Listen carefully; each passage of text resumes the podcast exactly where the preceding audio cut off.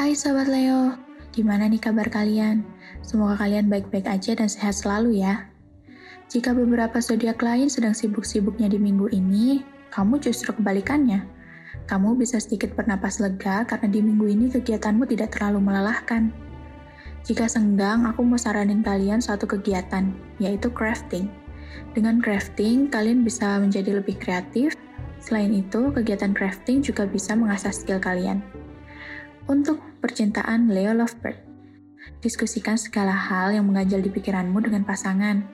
Selain menjadi seorang pacar, dia juga bisa menjadi pendengar yang baik kok. Dan jangan diabaikan juga saran-saran atau pendapat dari dia. Siapa tahu saran-sarannya itu emang cocok buat kamu.